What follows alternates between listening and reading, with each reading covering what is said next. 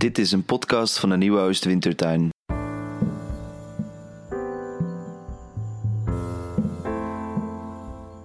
Welkom bij Radio Debuut, de online interviewavond in het kader van het Wintertuinfestival van de Nieuwe Oost Wintertuin. In deze reeks worden kerstverse debutanten geïnterviewd over hun debuten, het debuteren in onzekere tijden en het belang van literatuur. In deze aflevering ga je luisteren naar Selm Wenselaars in gesprek met Maxime Garcia Diaz en Lisa Weda. Welkom bij Radio Debuut. Mijn naam is Selm Wenselaars en ik mag vandaag afsluitend spreken met Lisa Weda en Maxime Garcia Diaz. We hebben elkaar al eerder gesproken één op één en nu gaan we een keer samen. We doen het zonder laudatio, maar gewoon met elkaar. En uh, we zitten weer gewoon thuis. Sterker nog, de wereld is weer aan het dichtvallen. Het Wintertuinfestival is uitgesteld in 2022. Uh, en we zitten gewoon cozy bij elkaar. Jullie hebben elkaar nog niet ontmoet, niet in levende lijven, begrijp ik. Ja, maar wel zien voorlezen of voordragen. Of ik jou wel. Dus dan hebben we elkaar wel, wel een soort van. We zijn wel in dezelfde ruimte geweest. Ja, ik had ook uh, laatst Maxime gezien bij Crossing Border. Dus ze schuren literair gezien wel steeds langs elkaar heen. Maar ja. Kijk, in een uur lang vandaag. Precies, ja. precies. En uh, ja, vandaag een uur met elkaar, een dichter en een proza-schrijver. Um, en performers ook. Um, je maakte het heel uh, makkelijk, Lisa, want je had de vorige keer een vraag gesteld naar Maxime. Maxime, je had al eentje mogen afvuren. En uh, ja, Lisa, je vroeg je af um, waar de liefde voor het podium vandaan komt, uh, Maxime. Hoe, ben je, hoe ben je op het podium beland? Wat, wat grappig, want ik heb volgens mij ook een vraag gesteld over het podium, toch? Um, Klopt. En uh, ik denk, oké, okay, nou, bij mij, dat hadden we het ook over tijdens ons gesprek, het eerste gesprek, dat, de, volgens mij, ik weet het eigenlijk niet meer of, dat, of we het daarover hadden, maar um, dat uh, het begonnen was gewoon als dat ik met een clubje mensen tijdens mijn studie uh, eerst een soort writers potlucks ging organiseren en dan op een gegeven moment ook literaire avonden waarbij we dan ons werk voorlazen. En omdat het gewoon een hele makkelijke manier was om mijn werk te delen, ik wist eigenlijk niet toen dat wat literaire tijdschriften waren of überhaupt wat er zeg maar tussen een, gewoon iemand, een hobbyschrijver en J.K. Rowling zat. Dus ik had niet echt een idee van hoe ik dan gedichten kon delen met mensen, behalve zeg maar voor ze te gaan staan en het voor te lezen. En ik, vond zo, ik was ook bezig met theater en zo, dus ik merkte dan dat ik dat heel leuk vond en dat ik er ook best goed in was. En um, zo is het een beetje ontstaan. En het is ook best wel een paar jaar nadat ik voor het eerst ging optreden, dat ik voor het eerst zeg maar, iets ter publicatie opstuurde of zo. Um, dus zo. Oh, cool. Ja. En wanneer, wanneer kwam dan wel het punt dat je, dat, uh, dat je al die tussenvormen zag of zo? Nou, ik denk dat als je. Ik vind dat wel, wel grappig. Ik weet niet of het in andere landen ook zo is, maar dat in Nederland in ieder geval, als je dan veel gaat optreden, dat je dan eigenlijk een soort van. Um, gewoon een random persoon bent die op open mics gaat optreden. En dan gaan mensen je vragen om op niet-open mics op te treden of zo. En dan, maar dan kom je telkens zo, ja, nou ja, inderdaad schuur je zo aan. Dan sta je ineens op het line-up met allemaal mensen die soort van wel gevestigde literaire mensen zijn of zo. Um, dat dat best wel dicht bij elkaar kan zitten. Dus dat je daardoor, kreeg ik in ieder geval van, oh, zo ziet het eruit, zo werkt het. Zo, um, dit zijn schrijvers, zo verdienen ze hun geld, dit bestaat gewoon en kan gewoon en zo. En um, ik denk dat ik op een gegeven moment ook niet meer zo'n zin had om altijd maar mijn gedichten te delen op een podium met een publiek voor je, waarbij je ook een soort van, ja, zo heel erg, dat het een soort sociaal ding is en dat je zo moet zien hoe ze allemaal reageren en dat het dan zo, ja, dat is toch stressvol ook. Um, dus dat ik zin had er gewoon, ik stuur ergens iets naartoe en dan kunnen ze het lezen en dan merk ik verder niet wat ze ervan vinden. Zeg maar. Oh, wow. Oh ja, wat grappig. Ja, heb jij dat niet, dat je dat stressvol vindt soms? Jawel, ik, was, ik had heel lang uh, uh, podiumangst. Uh, Toen ik afstudeerde van Artes... dit is echt een veel te lang verhaal. Toen ik afstudeerde van Artes, de laatste drie maanden dat ik daar zat, had ik geen huis. Ehm, en dus sliep ik bij vrienden eh, elke maand bij een andere vriend. En tegelijkertijd probeerde ik, probeerde ik af te studeren. eh, terwijl ik op matrassen in eh, extra kamers tussen de hobbyspullen van vrienden lag en zo. En ik werkte 32 uur per week. En dat was echt een super bizarre periode. Maar ik was nooit bang voor het podium. Dus ik was altijd heel chill voor ik ging optreden. En toen studeerde ik af. En die zomer moest ik optreden bij Duizel in het park. En toen viel ik flauw. Tijdens een performance. Eh, Oh my God. En mijn ouders... Ja, super bizar. Wat dramatisch. en eh, mijn ouders, ja, echt verschrikkelijk. En mijn ouders waren daarbij, weet je wel. En dan, mijn moeder reageerde echt als zo'n super geschokte moeder. Ik was al wel wat ouder, ik was al 26 of zo. Dus het was een super rare ervaring. En toen ben ik wel die middag weer meteen gaan optreden. Want ik dacht, als ik nu dit niet doe, dan ga ik nooit meer een podium op. Ehm, en ik ben echt tot mijn boek uit is nu. Dus dat is dan 2015 tot 2021 heb ik altijd paniekaanvallen gehad voordat ik opging. Of ik hoorde niks meer aan één oor. Gewoon allemaal hele lijpe ehm, eh, ja, bijverschijnselen bij, eh, bij op podium opgaan. Eh, dus ja, en dan, dus ik was denk ik niet eens zo bezig met het publiek, maar met gewoon proberen overeind te blijven staan of zo. Wat misschien wel helpt. Maar ik, ik denk wel dat misschien het genre waar jij in zit, misschien dat je iets ook meer in de spoken word hoek kan worden gezet in verhouding tot mij. En dan is het wel misschien een andere tak van sport. Want daarvan, ik denk dat dat ook veel meer een reactie eh, performance is dan, eh, dan, nou ja, proza voorlezen doe ik niet zoveel meer nu. Maar dat is misschien ook een verschil of zo. Ja, dat denk ik ook. Dat, dat is trouwens, echt, dat is echt heftig. Eh, dat is denk ik letterlijk het heftigste wat ik heb gehoord, wat iemand heeft meegemaakt tijdens een optreden. Ehm, Ja, het was echt hardcore, ja, man. Heftige ervaring. Ja, ik kan me voorstellen dat je daarna, zeg maar, Ja. dat je daarna angst hebt. En dat het moeilijker wordt. Ja, heel bizar. Heel gek gevoel. Ja. Heb jij nooit angst, eh, Maxime? Ehm, voor, voor optreden? Ja, constant. Eigenlijk altijd wel. Ehm, ik, eh, het gaat ook, ik, sta, ik denk ook altijd van, ik doe dit al best een paar jaar.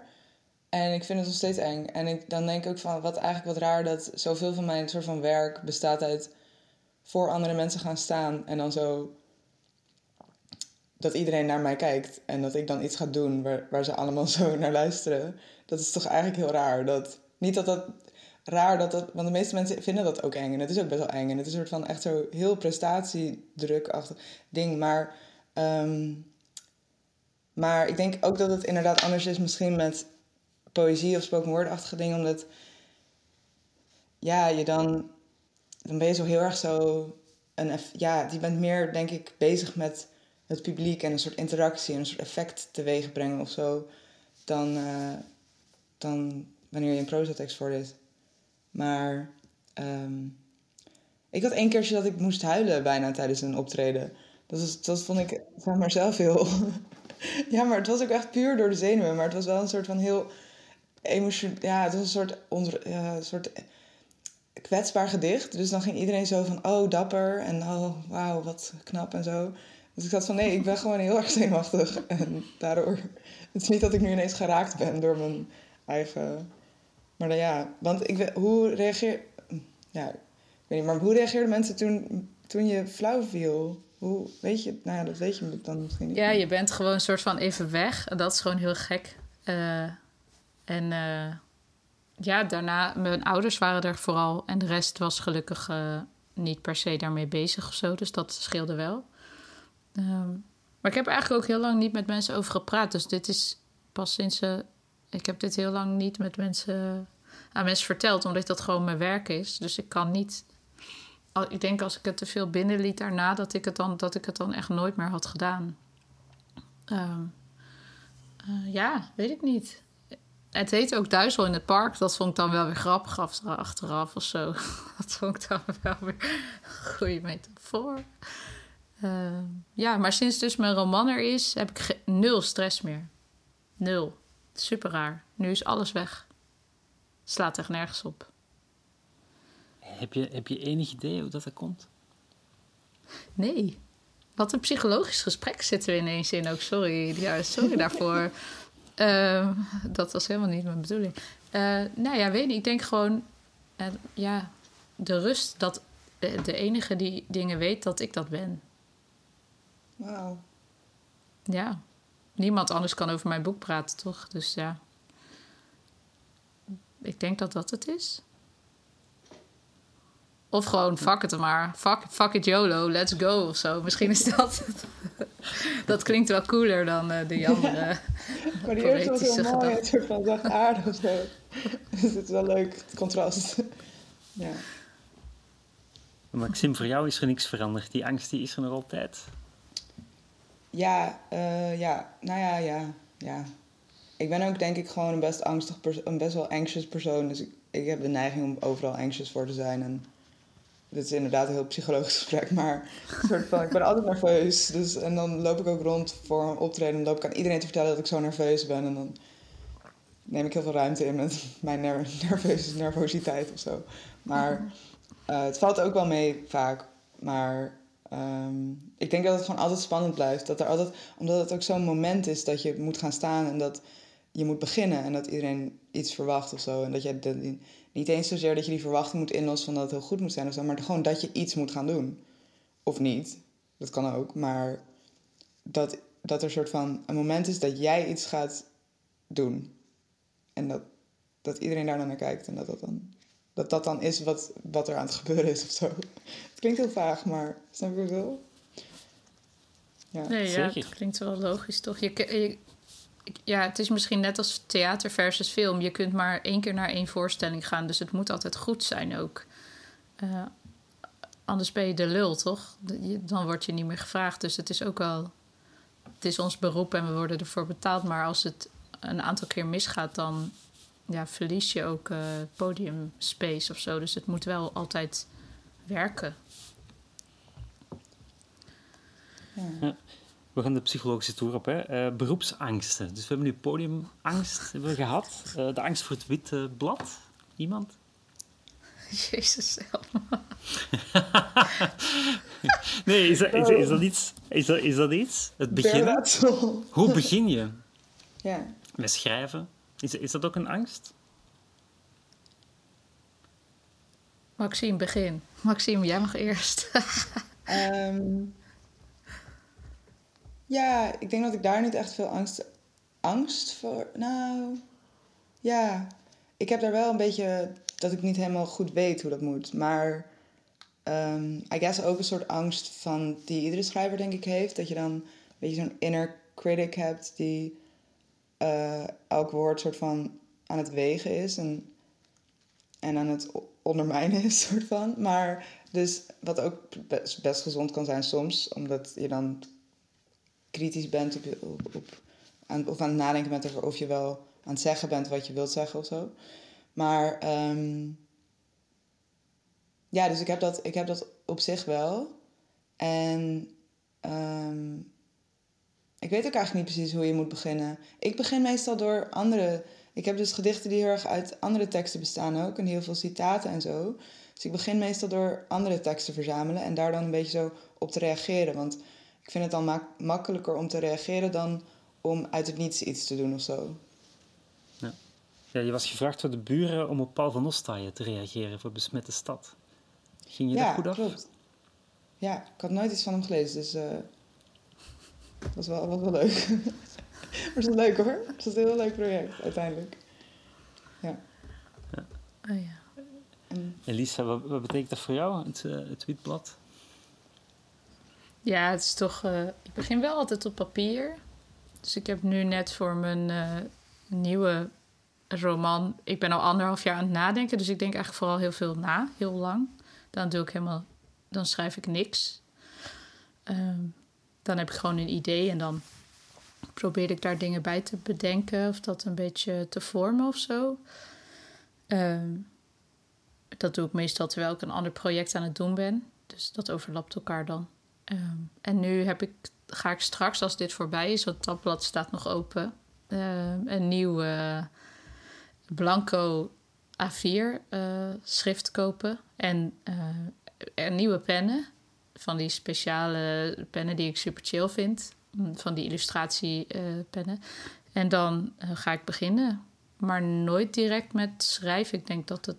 Ja, dat is misschien voor proza ook... Nou, dat is trouwens onzin. In mijn geval is het anders. Ik wil gewoon schema's maken en, en dingen tekenen en volgordes bedenken of zo. En ik wil graag altijd beginnen bij de vorm. Dus als ik niet per se weet wat de vorm is, dan weet ik ook niet zo goed wat ik moet doen. Zomaar stukje... scènes schrijven. Hm.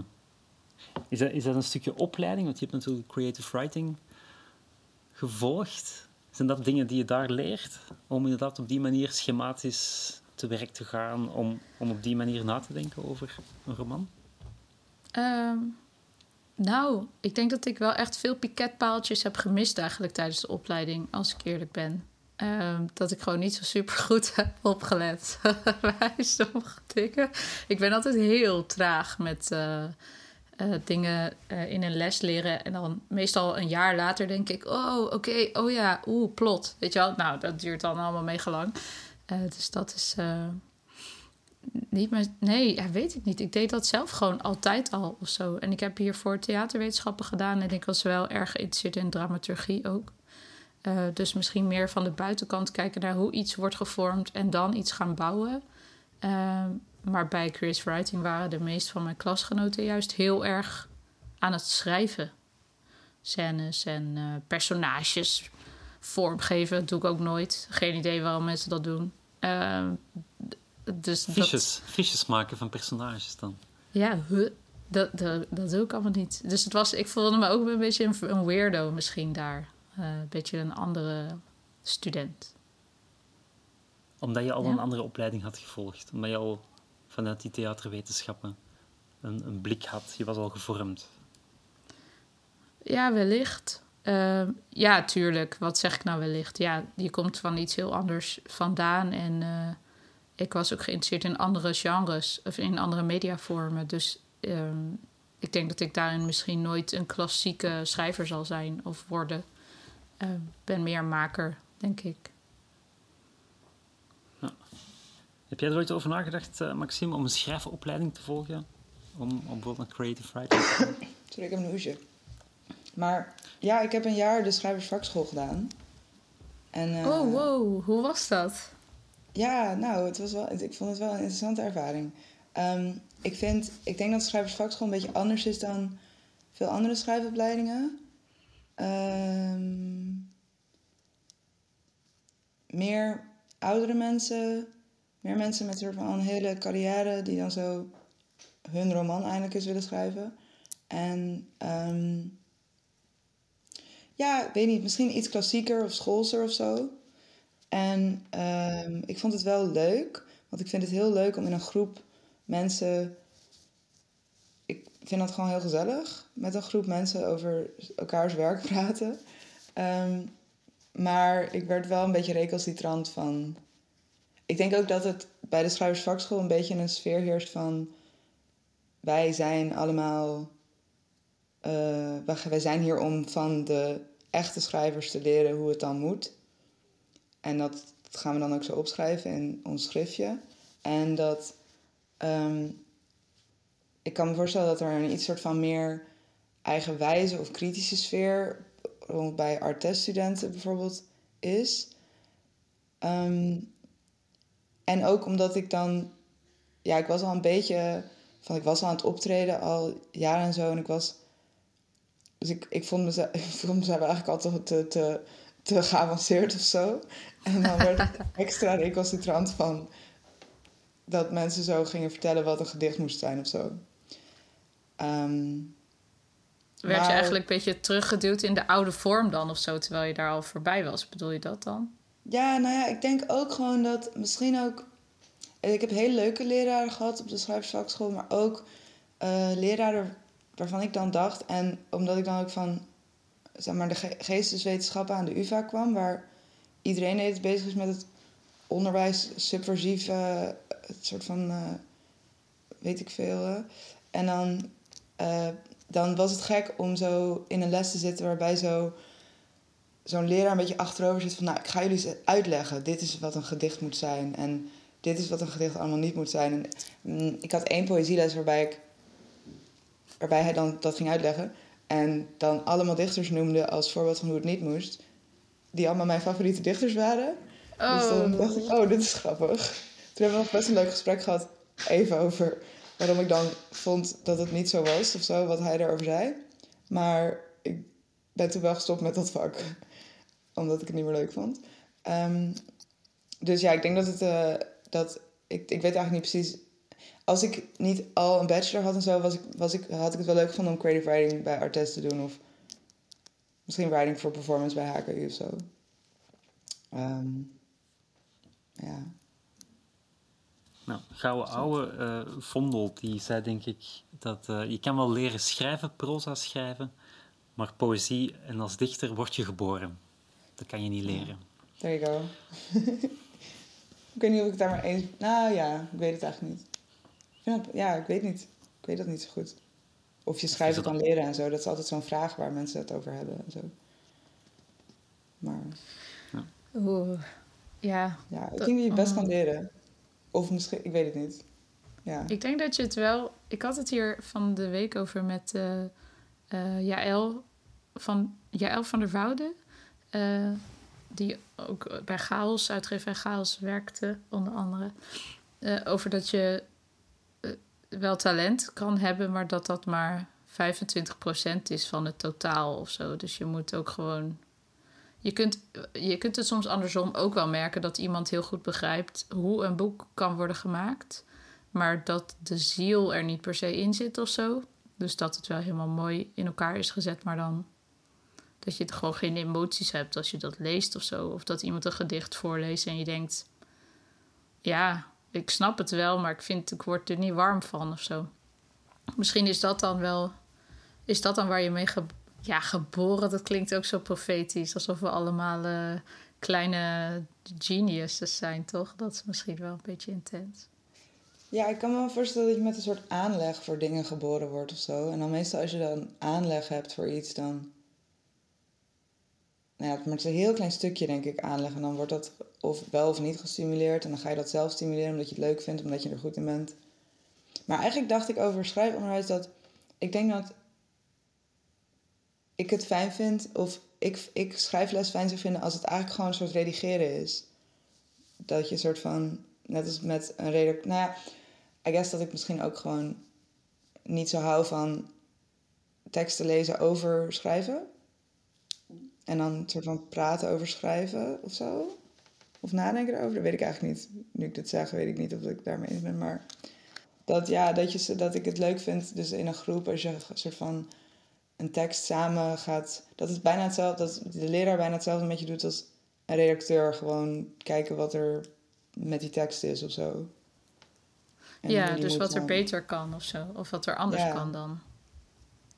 Ja. Ehm, Maar ik wou trouwens net nog iets vragen, waar, waar we nu, nu zijn we er al helemaal voorbij. Maar, ehm, want je zei dat je dan eigenlijk al bezig was met het tweede roman, toch, Ja, Lisa? Want Mhm. ben je dan, wanneer begint dat dan precies? ja.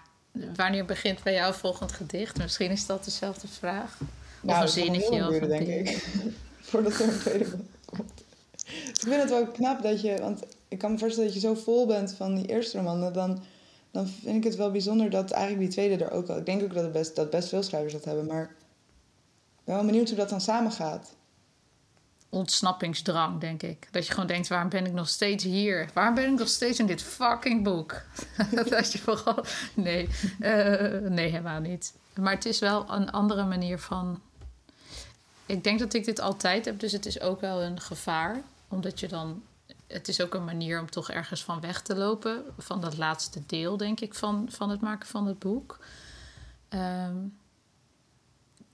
en ja, ik denk dat, want ook voor mijn vorige, eh, voor mijn vorige boek, voor dit boek, voor dit debuut, eh, daarvoor schreef ik een novelle, maar ik wist tijdens die novelle al wel dat er meer in zat en dat ik daar weer iets mee wilde doen. Dus misschien, misschien is het zo. En omdat ik het dan niet, ik schrijf het niet op, dus in mijn, het zit niet in mijn eh, in mijn computer staat er nergens een ander spookbestand met al iets nieuws. Maar meer in mijn hoofd ehm, is er soms gewoon iets wat, wat er gebeurt of waar ik over praat of wat ik hoor, wat ik er dan al bij kan harken. eh, eh, en dingen waar ik over nadenk. Bijvoorbeeld, maar ook, ehm, dit is echt een lang verhaal. Ik was erg geïnteresseerd in, vanuit mijn roman ben ik erg geïnteresseerd in hoe Rusland of de, de Russische politiek ervoor zorgt dat er overal schaduwgebieden zijn in Europa die steeds maar instabiel blijven. En toen moest ik voor een of ander project iets pitchen. En toen dacht ik, ik wil al, ik wil al heel lang een soort eh, interactieve dance game maken voor mensen die dan moeten dansen tegen Yeltsin en Poetin. Om te zorgen, als een soort dance battle, om te zorgen dat eh, eh, die schaduwgebieden niet eh, verliezen, niet veroverd worden. En, en de dans is heel grappig, maar je verliest wel elke keer. En elke keer als je de ronde hebt verloren, dan zie je eh, wat er allemaal is gebeurd. Bijvoorbeeld, zoveel mensen zijn er geëxecuteerd, weet ik veel. Dus een soort van keiharde humor versus keiharde verschrikking. Ja, ik weet niet. Dan gaat mijn hoofd gewoon naar zoiets. En dan, dan ik heb daar ook nog niks per se voor eh, op papier. Maar ik weet wel dat ik dit dan ooit wil gaan bouwen. En dan denk ik er gewoon super lang over na. Maar heb je nu dan geen, geen Ben je nu, wat zit, ben je dan nu in een soort desert zonder poems? Ja, een beetje. Nou ja, ik heb misschien ook een beetje zo die ontsnappingsdrang. Dat ik merkte dat. Het is ook gewoon omdat ik veel dan eh, de gedichten in opdracht had geschreven. En dat ik dan merkte dat ik, niet, dat ik echt heel lang niet gewoon uit mezelf een gedicht had geschreven. Omdat ik daar dan zin in had. Ehm, maar misschien door die, door die ontsnappingsdrang van dat er zo'n boek aankomt waar je dan helemaal zo in zit. En dat ik veel meer in het Engels ging schrijven. Maar ik denk dat wat ik. Dus, dus ik heb wel nieuwe gedichten geschreven, maar die zijn allemaal in het Engels. En ik denk ook dat. Ik denk dat er. Misschien heb je dat dan meer met een poëziebundel dan met een roman. Want mijn poëziebundel is dan gewoon een verzameling gedichten. Niet echt een soort van concept zoals sommige mensen poëziebundels schrijven. Dus alles kon er in principe ook nog bij. Dus ik had eigenlijk het gevoel bij wat ik daarna nog schreef. Van oh shit, nee, maar dat moest er eigenlijk nog bij. Net alsof. Ja, dat is, dat is een beetje zo. Ik weet niet. Net alsof een soort arbitra arbitraire grenzen getrokken van. Nou ja, nu is het gewoon ingeleverd. Dus nu. Maar dat ik nog steeds bezig was. En dat is eigenlijk heel leuk, want dat ik nog steeds bezig was met de thema's van de bundel. En dat ik bijna alsof ik gewoon. alsof ik midden in een scriptie was en hem toen moest inleveren. en dat je dan zo denkt: oh, maar ik ga nu gewoon verder daar dat onderzoek doen of zo. Maar ja, ik weet niet precies wat dat is. Ik denk dat dat, dat iets te maken heeft met dat. dat het geen soort van geheel is, maar meer een soort constellatie van verschillende dingen. Dus dat je al die nieuwe dingen er ook wel weer bij had kunnen doen. Maar er is nog niet zo. een nieuwe. Ja, ik weet het niet. Ik ben geloof ik gewoon een beetje aan het bijkomen. ik vind het gewoon wel heftig om een boek te Misschien is, dat ook wel, misschien is dat ook wel gezonder dan. eh, Ja, maar wat als het gewoon niet meer komt nou? Als de trein niet meer gaat rijden. Jee, we zijn weer bij de angsten. Wat als het niet meer komt? Andere angst. Angst voor de toekomst. Ja. Eh, hoe, hoe kom je tot een duurzame praktijk? Eh, Lisa, je hebt natuurlijk met Laat je niet naaien ehm, een, ja, een flink schot voor de boeg gegeven. Of bent, je bent er nog altijd behoorlijk druk mee, denk ik. Bij de inzet voor fair pay. Hoe is het daarmee? Hoe, en hoe, eh, ja, je, je bent ook gewoon naast programmamaker, moderator, organisator, producent, copywriter, eh, podcastmaker, host, performer, docent, coach, schrijver, scenarist en regisseur. Ben je ook activist? Ehm, ja, kan je daar iets meer over vertellen? Ehm, nou, ik denk dat het wel. ehm, ja, ik ging in. eh, ik denk in het begin van de. Was het al lockdown? Weet ik niet. Op, op een gegeven moment kreeg ik een klus aangeboden. waarvan ik dacht. Wow, dat ik heel blij was dat ik een normale inkomen kreeg per dag. Dat was gewoon een normale dagprijs. En ehm, toen was ik super blij. heel blij was ik. En toen dacht ik, ik ben helemaal achterlijk dat ik zo blij ben. Dit is niet gezond. Dit kan niet goed zijn. Ehm, en toen, eh, eh, toen ging alles een beetje op slot. En tegelijkertijd in de... Was iets daarvoor wel. Maar tegelijkertijd in de sector... ehm, ja, er, kwam een nieuwe ronde aan voor een grote organisatie, voor iedereen eigenlijk om eh, fondsen aan te vragen. Dit is een heel eh, eh, bureaucratisch verhaal. Eh, en er waren allerlei organisaties waarvan ik wist dat zij hun eh, personeel, waaronder vrienden van mij, geen eerlijke dagprijzen betaalden voor hun werk of prijs voor optredens of weet ik veel. Eh, maar wel allerlei dingen gingen organiseren over de Fair Practice Code. Eh, iets wat zover, ja, dat is een veel bredere term, maar onder andere Fair Pay was daar een onderdeel van. En toen dacht ik, ja, ik kan allemaal het heen en weer krijgen. Zacht uitgedrukt. En toen ben ik daar een beetje over gaan schrijven en Instagrammen. En dat was heel bizar, want ineens was er... Mijn inbox stopte gewoon niet met eh, volstromen. Er waren zoveel mensen die slecht betaald werden. Eigenlijk alleen maar mensen. Volgens mij zijn de enige mensen die namelijk goed betaald worden... de directeuren van de BIS-instellingen... die meer dan een ton per jaar vangen. Terwijl ze soms mensen vragen voor vrij weinig geld. En dat ik dacht, wat een absurde eh, sch- schijnvertoning zitten we nog steeds in met z'n allen. Ehm, en ik denk wel, ja, dat, dat was heel tof om te doen. En toen werd het ook een platform. En eh, dat is nog steeds, maar iedereen werd zwanger. Dus iedereen is even on the break. Ehm, en ik ging een boek afmaken. Eh, maar we hebben truien verkocht met daarop hobbyist doorgestreept. Die eh, is meer dan honderd keer verkocht, wat best wel cool is. Want dat zijn gewoon arme kunstenaars die dat allemaal hebben aangeschaft. En die trui was duurzaam, dus niet goedkoop. Ehm, en die kan je dan aandoen naar meetings eh, waar iemand je wil naaien. Dus dat was wel een fijn effect. En eh, ja, en soms als ik dingen zie, dan stuur ik nog steeds e-mails. Een tijd geleden was er een eh, vacature van Hard Hoofd. Het schijnt dat ze inmiddels het bedrag omhoog hebben gedaan. Voor eindredactie, voor vrij veel dagen, voor heel weinig geld. Toen heb ik wel een e-mail gestuurd van jongens, jullie, jullie lijken een heel groot, best wel een sterk instituut. Maar hoe kan het nou dat je... Nu trek ik al hard hoofd erbij, maar er zijn heel veel organisaties. Eh, ik kan nog wat meer namen noemen. eh, maar dit gaat niet om shamen, maar het gaat wel om... Ik probeer wel altijd mensen daar bewust van te maken. Eh, en, en mensen zijn ook bang om het vragen voor te weinig. Dus dat is best wel chill. Eh, maar het is wel moeilijk. eh, en ik zit natuurlijk al best wel lang in het veld. En ja, je bouwt gewoon heel langzaam een steady inkomen op met het werk waar je zoveel uren aan besteedt. En dat is wel vrij belachelijk. Ja, ja want ik, somde het allemaal net op. Je had het zelf, denk ik, ook gedeeld in die workshop die je organiseerde eerder voor, eh voor Wintertuin. Over fair pay. Hè, dat je opsomde wat je allemaal doet. En dat dat ook allemaal ten faveur is van je schrijverschap, van het werk als scenarist en als regisseur. Hè, omdat die in verhouding dan, ja, daar, daar trek je veel minder loon uit. Inderdaad, het schrijven van een boek, daar zit zoveel tijd in. Daar ben je vier, Ja. vijf jaar mee bezig.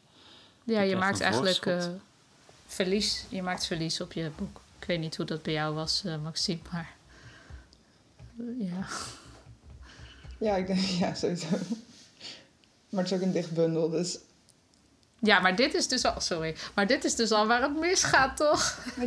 Dat je zegt, dat je zegt, maar dit is een dichtbundel. Hallo, misschien heb jij wel evenveel uren daarin gestoken als ik in mijn roman of zo. Ja, ik vind, dat vind ik wel heel verdrietig in de letteren. Dat, eh, ik, dan zou ik jou bijna gevoelsmatig als minder moeten zien omdat jij een dichter bent of zo. Of ik weet wel dat het wellicht minder. ge- ja, dat is moeilijk. Want je bent gewoon kwalitatief heel sterk, toch? Daar gaat het toch om. Ik wil toch gewoon voor die inhoud betalen, niet voor de.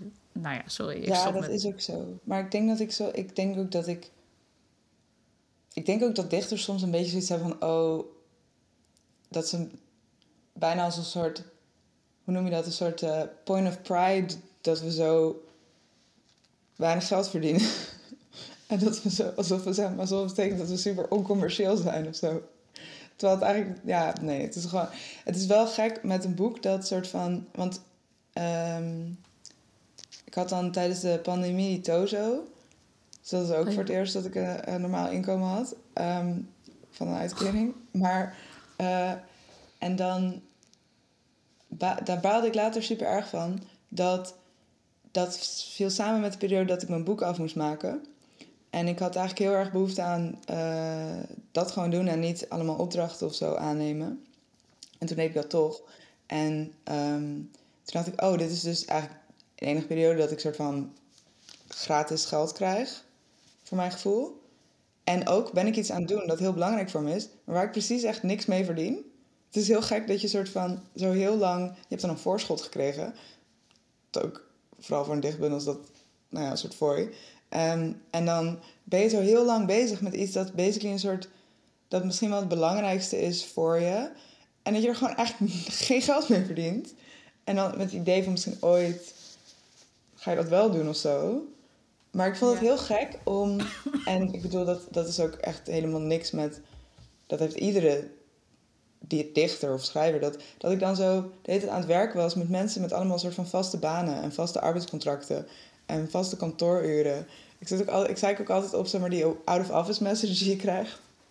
Dat je dan als ZZP'er om zeg maar half twaalf s'avonds zo een mailtje stuurt. En dat je dan zo krijgt, hallo, mijn werkdagen zijn dinsdag en donderdag van 2 tot 3. Ja. En je denkt, jij hebt een vaste baan. Maar dat is super toxic ook. Want ik bedoel, heel goed dat iedereen zou part-time moeten werken. Maar, maar dat je zit van, ik ben echt me, ik ben de hele tijd available voor echt geen geld. En dat is super stom. Maar dan komt mijn woede een beetje zo naar boven.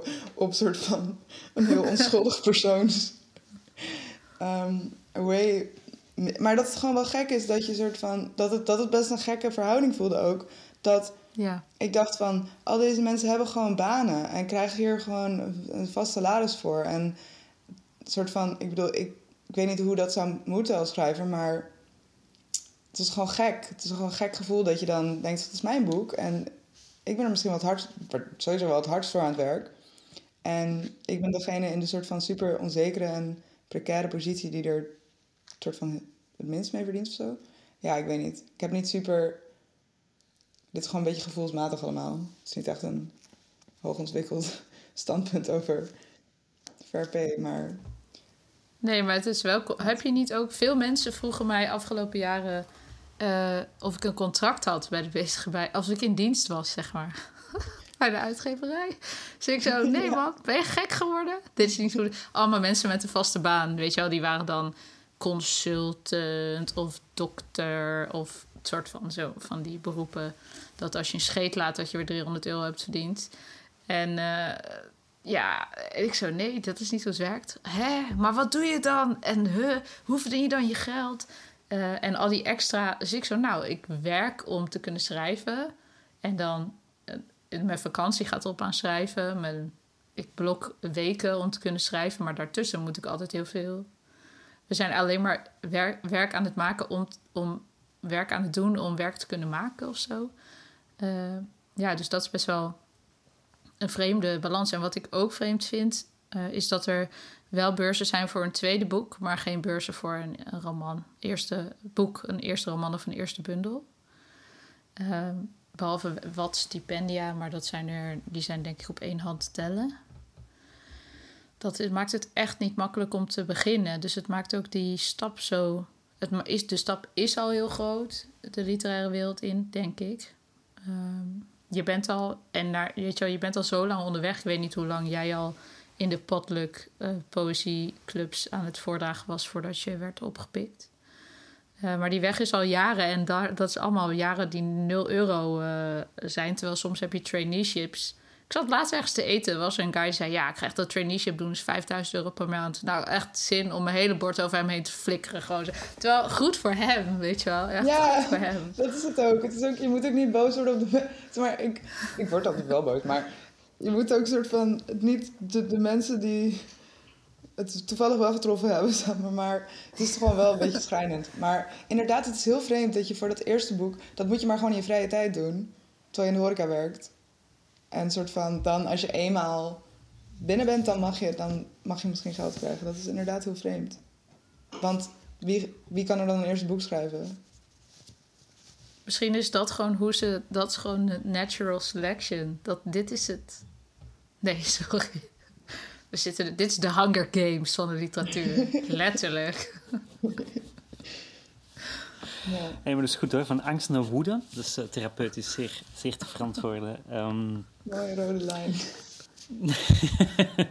eh, maar voelen jullie dan ook eh, ja, buitenstaanders als kunstenaar? Ja, om te beginnen identificeer je natuurlijk als een kunstenaar. Doe je dat? Maxime? Ja? Lisa? Ja, jawel. En ik denk ook dus wel dat ik eh, me vaak een buitenstaander voel. eh, maar op de manier dat ehm, mijn... Ik had trouwens laatst ook iemand die vroeg... Volgens mij was er een Uber en dan vroeg de... Dan, soms dan vragen ze zo wat je dan voor werk doet. En dan vind ik het awkward om te zeggen dat ik dichter ben. Want meestal hebben ze dan zoiets... Nou, echt de gemiddelde persoon die spreekt over poëzie... Die hebben zoiets van... Oké, wat betekent dat? Of wat is dat überhaupt? En dan, dus, deze guy vroeg ook van, oh, doe je dat, werk je dan voor een bedrijf? En dan dacht ik ook van, wat voor bedrijf zou ik dan voor moeten werken? Soort, een soort schrijvers Inc. En dat ik dan zo elke dag op kantoor ga, dat lijkt me vet leuk. En chill, maar... Dus het is gek, het is gek dat je soort van, dat, nou ja, dat ik gewoon, dat je gewoon, dat ik niet zicht heb op een soort vaste baan of zo. Of I guess pensioen of zo. Zeg maar, van die dingen die, zeg maar, waar, iedereen, waar de meeste mensen omheen naartoe werken. Ehm, en die gewoon niet echt opgaan voor een kunstenaar. Dat je soort van, ja, dat je wel op een andere manier dan een soort van succes kan hebben. Een soort van een duurzame carrière kan opbouwen. Maar nooit in die vaste, zekere context van gewoon een baan. Dus Ja. in die zin wel een buitenstaander, om het even terug te brengen naar je vraag. Ja, dat is dan in dat geval niet zo safe of zo. Maar ik denk dat wat ik wel leuk vind aan eh, buitenstaander zijn, is dat ik. eh, en dat ik op. eh, als ik dan een keer een nieuw shirt nodig heb, op maandag kan winkelen. Terwijl er niemand is. Omdat iedereen op kantoor zit. Ehm, en, en dat ik naar dingen kan, kan kijken en kan proberen het anders te zien dan de rest. Ehm, ja, hoe moet ik dit nou? Heb ik een goed voorbeeld? Ik woon nu dus in een, in een, in een straat. Ik woon in een straat met, eh, met een buren-app, eh, wat ik verschrikkelijk vind. Met om mij heen, een soort van boven en naast mij, allemaal koppels. Die dus allemaal dit soort goals aan het nastreven zijn. Behalve ik. Dus ik ben een soort van die kunstenaar. En naast mij wonen wel twee mensen die wat meer in de kunstsector werken, maar wel onder vast contract.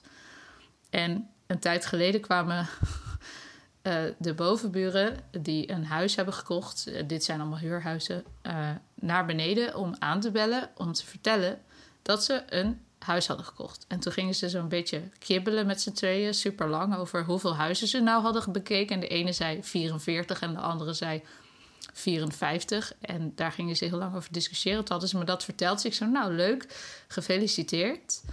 Ehm, en toen zeiden ze, maar we komen eigenlijk voor iets anders. Ik zei, oké, mogen we in februari 2022 onze bank via het balkon en de tuin door jouw tuindeuren naar buiten verhuizen? En toen dacht ik, oké, ik ben zo blij dat ik niet dit leven heb. Ik ben zo blij dat ik geen moment hiermee bezig hoef te zijn. Oh my, my lord, maar dit komt, dit komt sowieso een keer terug in een tekst. Bedankt, denk ik dan. Eh, dus je bent zeker een, een buitenstaander, eh, maar ook op, soms inderdaad op gekke manieren. Inderdaad, we, hebben geen goede verzekeringen, we hebben geen pensioen. Ehm, eh, ja, je bent, eh, op, ja, je bent vrij, maar ook niet vrij of zo. Zeker in Nederland, denk ik, als kunstenaar is het niet meer zo goed als vroeger. Met dank aan Halbe Zijlstra, onder andere. Ehm, maar wel ook wel vrij. En dan, ik kan al die gekke dingen zien of zo. En dat vind ik heel leuk. Is Ja. het ook noodzakelijk voor je kunstenaarschap? Om er buiten te staan?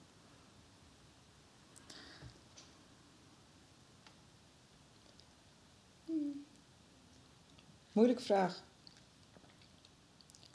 Maar ik denk wel dat. eh, ja, ik vind dat wel mooi wat Lisa zegt: van dat naar dingen kijken op zo'n bepaalde manier. Ehm, ik merk dat ook als ik dan. Elke keer eigenlijk als ik met meerdere dichters bij elkaar ben, dan krijg je zo. Dan gaan mensen zo dingen zeggen: Oh, dat is echt een mooie zin. Weet je, dan is het soort van de hele zo'n sfeer van. dat iedereen op dingen, bepaalde dingen aan het letten is. En dat vind ik dan heel, niet alleen op taal, maar gewoon, ja, ik weet niet, dat, dat is ook een beetje stom. Want ik bedoel, ook mensen die niet kunst maken kunnen heel diep nadenken en diep voelen en een soort van de wereld observeren en zo. Maar I guess dat je dat misschien eerder hebt, of dat, je dat, dat, dat, dat het een beetje eerder overlapt met mensen die dat doen en mensen die kunst gaan maken. Dus dat ik me dan vroeger best soms wel eens vreemd voelde of zo, om het weer even op de psychologische toer te brengen. Um, over dat je soort van te veel naar dingen aan het kijken bent of zo, of te veel aan het observeren bent, of te veel gekke dingen aan het zien bent of zo. En dat dan, dat, als je dan bijvoorbeeld een scholier bent en je soort van denkt dat iedereen normaal is en jij niet, en dat je dan later achterkomt dat, niet, dat de andere mensen ook niet normaal zijn, dan dat je dan nog zo denkt, oh iedereen is gewoon aan het leven normaal. En is gewoon, voor iedereen is het leven van soort van vanzelfsprekend. En jij moet het er soort van omheen gaan lopen en ernaar kijken, zodat je er dan iets over kan maken of zo. Maar veel, ja, ja, dus um, I guess dat misschien in die zin het wel een soort van één, ik, ik durf niet zo goed te zeggen wat noodzakelijk is voor kunstenaarschap, maar misschien wel dat. Geld zegt Lisa meteen toch? Geld. Geld is noodzakelijk. Geld ja, is ja. geld. Geld. Kreeft en geld, zoals Fresco uh, zegt toch? nee, uh, zou wel een fijne bijkomstigheid zijn. Maar ik weet ook niet, ja, nee, dat zou wel fijn zijn, denk ik. Maar ik denk wel dat het. Ik, ja, je mag er ook een beetje het geeft, je, ja, het geeft je gewoon die plek om er buiten te mogen staan. En dat je daar misschien dan, omdat je een maker bent, uh, niet zo op wordt gepakt. Ik weet niet of, dat, uh, of ik nu heel erg gekke dingen zeg. En ik denk dat de. Ja, nu ga ik hele gekke dingen zeggen. Maar ik denk wel dat er. Ik geef in de zomer altijd les bij buitenkunst. Met meerdere uh, kunstenaars ben je dan in de zomer. El, elke week is er een nieuwe een cursusweek met allemaal mensen die dan naar een bos komen om daar te slapen en lessen te krijgen, workshops van uh, allerlei kunstenaars en allerlei disciplines. En ik ga daar meestal twee weken per jaar naartoe en dan ben je gewoon met alleen maar kunstenaars daar. En daar, dat is gewoon het soort eikpunt in mijn jaar. Ik ga daarheen en dan denk ik, dan voel ik me en super, dit klinkt heel erg uh, gezapig, maar geïnspireerd, omdat ik met allemaal mensen vet lijp shit kan doen. Ik kan in een dag iets optuigen met een groep mensen, wat ik normaal uh, zes jaar subsidieaanvraag voor moet doen en rare dingen voor moet bedenken en door brandende hoepels van de overheid moet springen en moet zorgen dat iemand het wil produceren. Shit. En dan zeg ik gewoon tegen mensen: we gaan een of andere installatie bouwen een bos. Succes, we hebben vier uur de tijd, we gaan dit fixen. En dan staat het er s'avonds gewoon, dat is heel tof.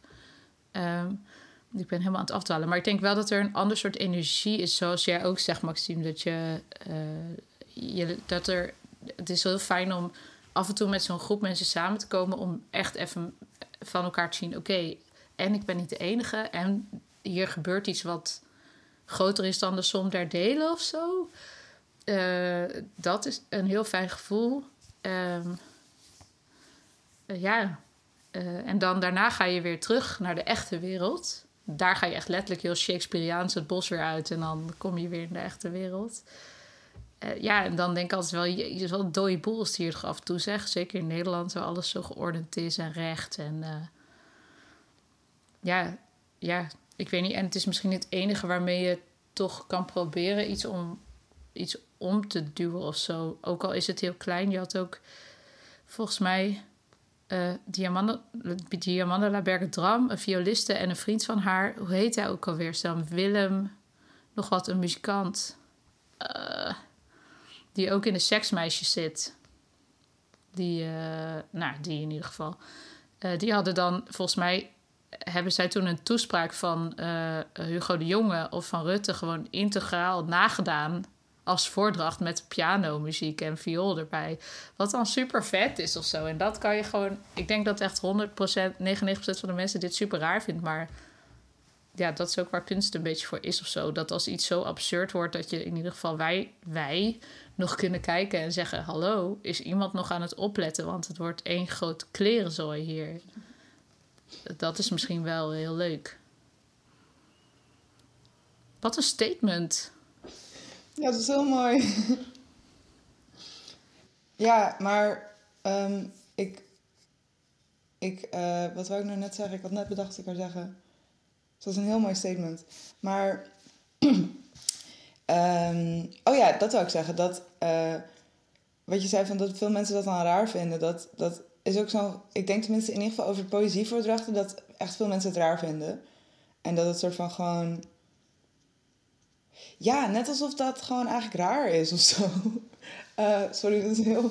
Maar een beetje zoals dat, zeg maar. Mensen op, op de gemiddelde mensen vindt zeg maar een Hollywoodfilm niet heel raar. Maar. Of een boek van. John Grisham. I don't know. Ik probeer een soort Oh, van normal goeie, schrijver te bedenken. En ik kan niet echt iemand bedenken. Dan Maar- Brown. Ja, een soort van dat, dat vinden ze dan niet raar, maar ik, eh, ik, ik blijf een beetje haken aan het feit dat de meeste mensen, voor mijn gevoel, wat ik doe en wat veel kunstenaars doen, gewoon raar vinden. Dat het raar is om, om poëzie te schrijven. Misschien is het wel specifiek met poëzie en niet zozeer met proza. Want de meeste mensen vinden proza niet heel raar of zo. Dat, dat, maar dat, is dan zo, dat het dan raar is om voor mensen te gaan staan en een soort van dingen te zeggen die niet helemaal, die niet echt zo normaal kloppen of zo. Of, ik weet niet, ik, ben ik kan het niet echt goed uitleggen, maar ik heb gewoon het gevoel dat, net als, ik heb vaak dus het gevoel dat sowieso dat mensen me raar vinden, maar ook dat mensen poëzie raar vinden. En ehm, misschien wel kunst in het algemeen. En dat het iets te maken heeft met, ja oké. Ik wou gewoon zeggen dat het iets te maken heeft met dat je niet normaal doet. Maar dat is echt een volledig... Oké, ik zeg maar, snappen jullie? Jawel, ik snap Ehm, het wel, denk ik. Ja. Ik weet niet, dat het iets is met dat je je even buiten de normale omgangsvormen plaatst of zo. Ehm, ik weet het niet precies. Je woont ook in een straat, Maxime. Ja, klopt. Ja, nou ja. Ja, toen je dat zei, toen dacht ik wel, je kan natuurlijk ook op een plein wonen of zo. Is zo. Je kunt ook Ja, een, toch? een, een losstaande boerderij. guess. Ja.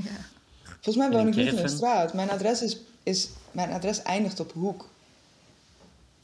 En het is ook echt een hoek. Ja, sorry. Nu worden we filosofisch. ja. Nou, wil ik nog even historisch worden? Ehm, want eh, Maxime, je had het vorige keer over generaties. Hè? Ja, dit, is, dit is een generatie, denk ik, toch? Ja, jullie zijn van dezelfde generatie. Hoe oud zijn jullie? Eh, Maxime, Lisa? 28? 28, 32. 32. Ja, dat is, ah, dat dat is is dezelfde denk ik... generatie. Dat Dat is zijn de millennials. Precies. Ja, oké. Ja, zelfs ik, zelfs ik ben nog een millennial. Ja, kan je voorstellen. En toch heb ik het gevoel dat er wel een beetje ruimte tussen zit. Ehm, maar ons gesprek heeft me behoorlijk geïnspireerd. In, in heel veel opzichten eh, ook Melissa, specifiek daarover. Over het in de wereld zijn. En, en hoe dat je dan eh, vanuit, een, ja, vanuit een tijd... Ja, je groeit op in een tijd, je vormt je een bepaald beeld van die tijd of van je wereld. En dat wereldbeeld, dat draag je mee. Ik heb er zelf soms last van dat ik toch een kind van de jaren 90 ben. Eh, en, en nog altijd moet, moet rouwen om een wereld die niet meer bestaat, die misschien ook nooit bestaan heeft, eh, by the way. Maar in, ehm, ik dacht, ik schrijf er eens wat dingen over op en, voor Theaterkrant. En ik, ik ga zelf voorlezen. ik neem even, het. ja, ja, jullie mochten vorige keer voorlezen, nu is het aan mij. Wat dus ik heb een stukje... Yes. Ja, precies. Ik heb een klein stukje geschreven. Het maakt deel uit van een brief eh, die ik met Carly Everaert... eh, een briefwisseling die ik met haar heb. En, een- een stukje over jullie. gaat over jullie. En, en ik vraag me af of het wel klopt. Dus voilà. Dus jullie moeten gewoon straks antwoorden met goed of fout. Oké, komt-ie. Ehm, nou ja, ik val er gewoon in. Hè? Dus het is eh, buigen of barsten. Dat geldt ook voor wereldbeelden. En het fascineert me hoe een wereldbeeld vaak vroeg in het leven van een mens gevormd wordt en zich maar moeilijk met de tijd laat meebuigen. Voor literair productiehuis Wintertuin interview ik debuterende schrijvers. Het valt me op dat jonge auteurs veelal kiezen voor biografisch gedreven verhalen, zonder aanspraak te maken op de wereld. Ze beperken zich tot het perspectief dat ze kunnen kennen en wagen zich niet aan een verhaal dat ver van hun beleving ligt. En als ze al proberen om die wereld in een beeld te vatten, dan tonen ze die in al zijn complexiteit als een patchwork, een veelheid aan bij elkaar gebrachte eh, die bij elkaar gebracht wordt als een Tumblr-pagina. In de meerstemmigheid lijkt de auteur te verdwijnen. deze generatie, sorry Maxime, komt die toch, is opgegroeid met internet. Een onuitputtelijke bron en middelpunt vliedende kracht. En dan ga ik nog een beetje verder. Maar klopt het? Klopt het inderdaad? Hey, dat is dan alsof ik twee sporen ontwaar. En daar, staan jullie alle twee net voor. Lisa, jij schrijft natuurlijk uh, vanuit een familiegeschiedenis. Je schrijft echt, ja, je volgt je bloedlijn. En Maxime, ja, patchwork. Is het een volledige weergave? En, en klopt het? Klopt het dat dat schrijverschap van jullie ook zo in die tijd geplaatst kan worden? Dat is een mooi stukje. Ja. Dankjewel. Mooi met het internet als middelpunt vliedende kracht. Uh, te gek. Ja. Ehm, nou, ik, uh, ik vond het wel interessant, interessant wat je zei over dat... Was het autobiografisch of biografisch? Dat hoorde ik niet. Ah ja. Ja, het staat biografisch, maar ja, het had ook gewoon autobiografisch kunnen zijn. Ja. Maar dat is wel een interessante spanning of zo. Dus tussen dat persoonlijke of autobiografische en die wereld. En daar had ik eigenlijk nog helemaal niet zo, over, zo zelf over nagedacht. Want ik denk dat ik zelf vaak dan als dichter wordt omschreven als soort van. alsof ik heel erg met de wereld bezig ben. Of zo. Omdat er het internet erin zit of omdat het geëngageerd is of zo. En um, dus ik vind het wel leuk om. Uh, ja, engagement voor. Uh, en dan is het wel leuk om. Uh, want ik, dat, ik, vond, ik kon me daar wel in vinden, die spanning. En ik dacht ook misschien, tenminste zelf, ik weet niet wat Lisa denkt, maar ik zie. Nou ja, ik, het is een beetje losse gedachte, maar ik dacht zelf misschien is dat ook omdat uit een soort, of tenminste die focus op het persoonlijke of het autobiografische die ik zelf heb, of op een soort eigen verhaal die jij omschrijft, dat het misschien ook wel is uit een soort, niet angst, maar een soort weerstand tegen een soort universeel verhaal of zo. Of een soort universeel idee van mens zijn. Of ehm, een soort spreken voor of zo. Dus dat je dan een beetje soms terug wordt geworpen op je eigen verhaal. Ehm, in plaats van dat je zegt van, snap je wat ik bedoel? Ik weet eigenlijk niet precies of dit klopt, maar... Ja, dat het niet een soort Paulo Coelho, de alchemist, uh, dat die tijd een beetje voorbij is of zo. Ja, ja dat soort van... Ook ga nu een verhaal, een groot verhaal vertellen over mensen en dan, en dan zeg ik iets wezenlijks over hoe mensen zijn of zo. Of, nou, het is niet helemaal wat ik bedoel, maar ja, ik weet niet. Een beetje een idee alsof je meer vanuit je eigen positie wil spreken. Omdat je meer bewust bent misschien van je eigen positie of zo. Ja, ik, zit nu ook te denken of er boeken uit zijn gekomen recentelijk die wel zo Coelho-achtig zijn. Of er debutanten zijn die zulke boeken schrijven. Dit is weer heel moeilijk, want ik kan daar helemaal geen antwoord op geven.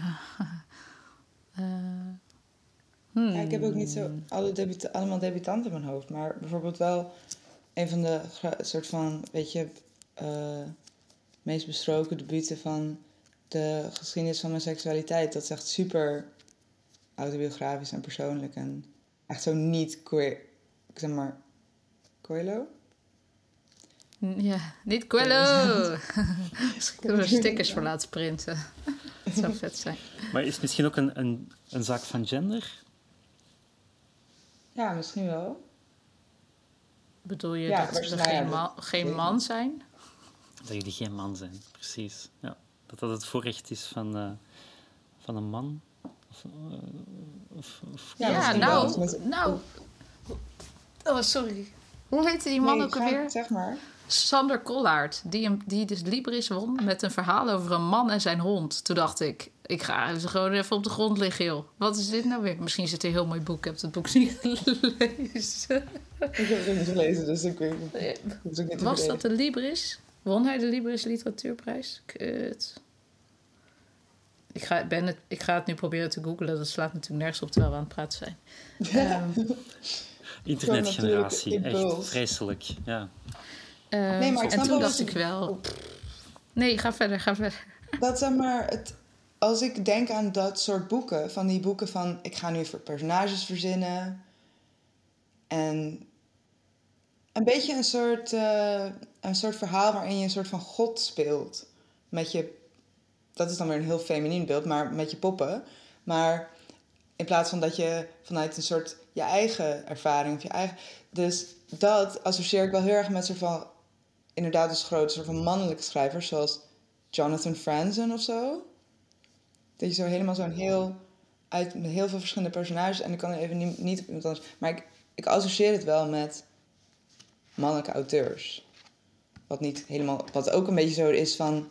Misschien dat. Dat vrouwelijke auteurs ook volgens mij eerder bio- autobiografisch worden gelezen. Of dat het dan meer. alsof het dan een, een particular verhaal is in plaats van een universeel verhaal. Omdat, omdat een man natuurlijk de default is en een vrouw gewoon een soort bonusoptie die je kan hebben. Als je begrijpt wat ik bedoel.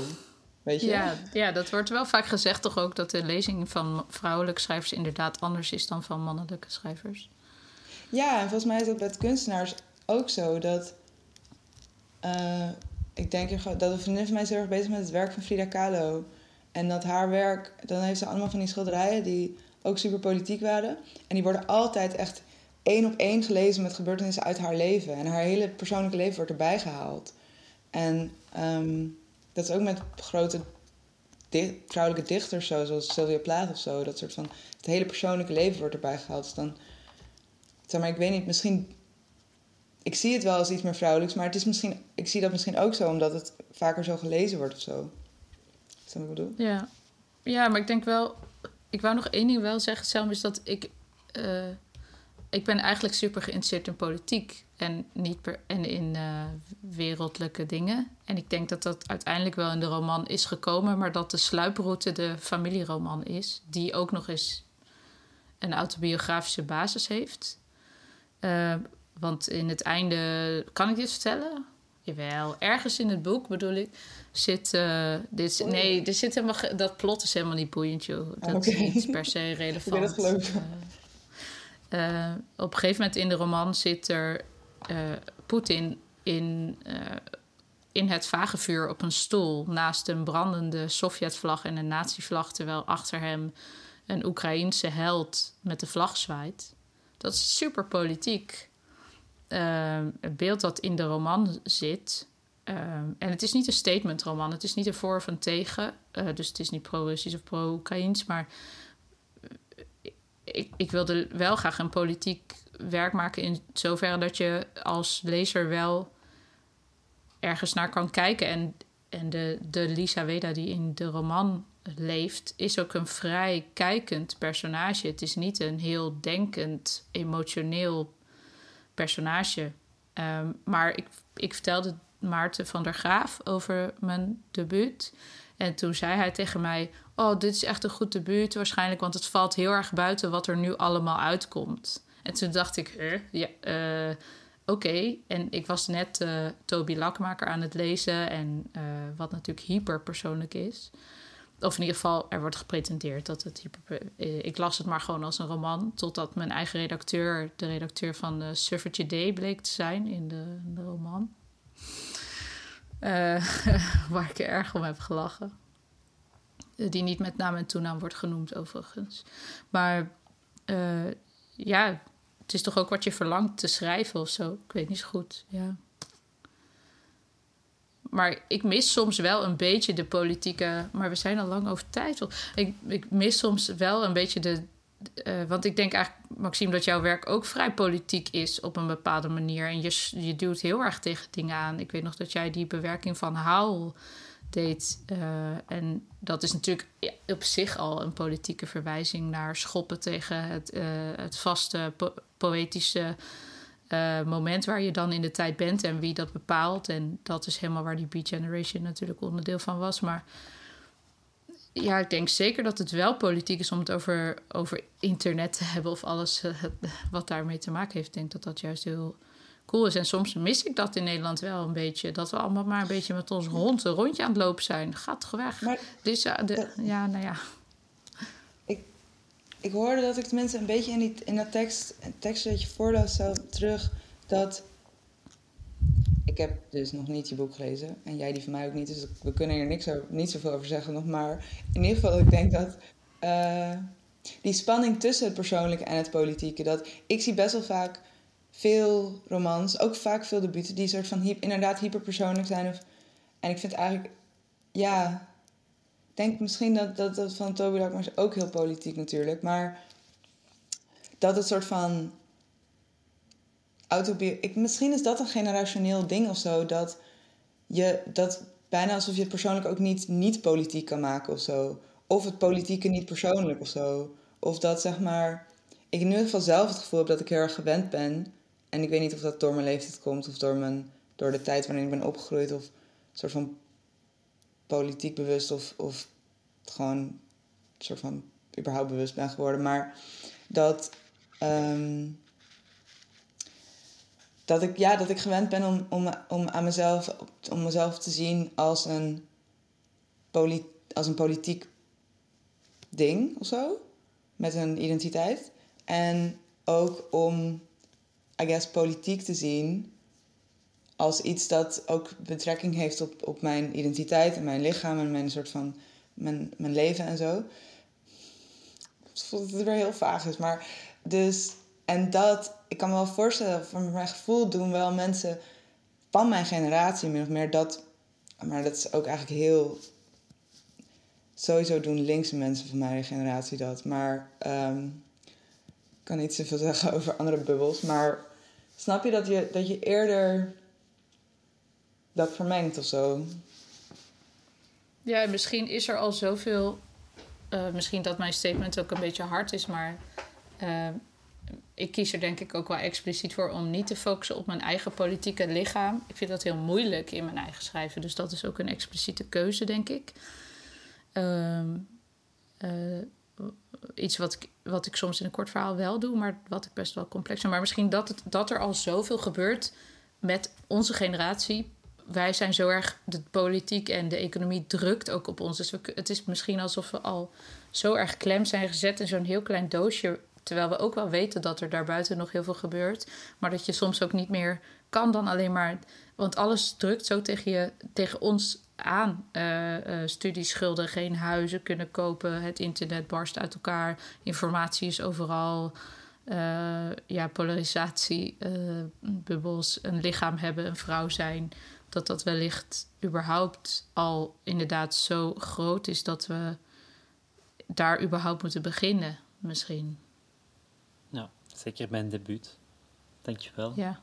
Lisa, dankjewel Maxime. Dat was een heel fijn gesprek. We hebben helaas niet meer tijd, maar we praten nog een andere keer verder. Vind de ruimte, blijf ademen.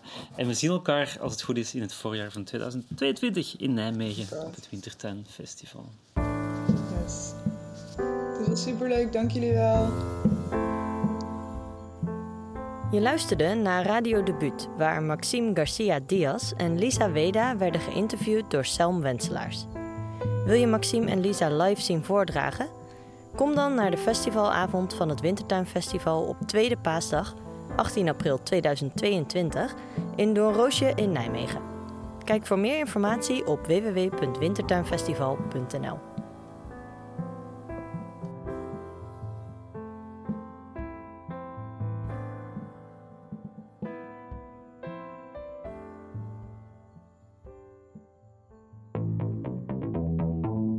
Dit was een podcast van de Nieuwe Oostwintertuin. Volg ons via jouw favoriete podcast-app voor meer podcasts over verhalen, literatuur en schrijven. Tot de volgende keer. Ik ben Smita James En ik ben Chris Lomans. en wij zijn de staat van het verhaal. Een plaats voor onvergetelijke verhalen. Wij zijn op zoek naar verhalen die van maatschappelijke waarde zijn. En daar kun jij aan bijdragen. Heb je een verhaal dat je in onze podcast wilt delen? Een persoonlijke ervaring, een familieverhaal of nog iets anders? Meld je dan aan op www.destaatvanhetverhaal.nl. De staat van het verhaal is een podcast van de Nieuwe Oost Wintertuin.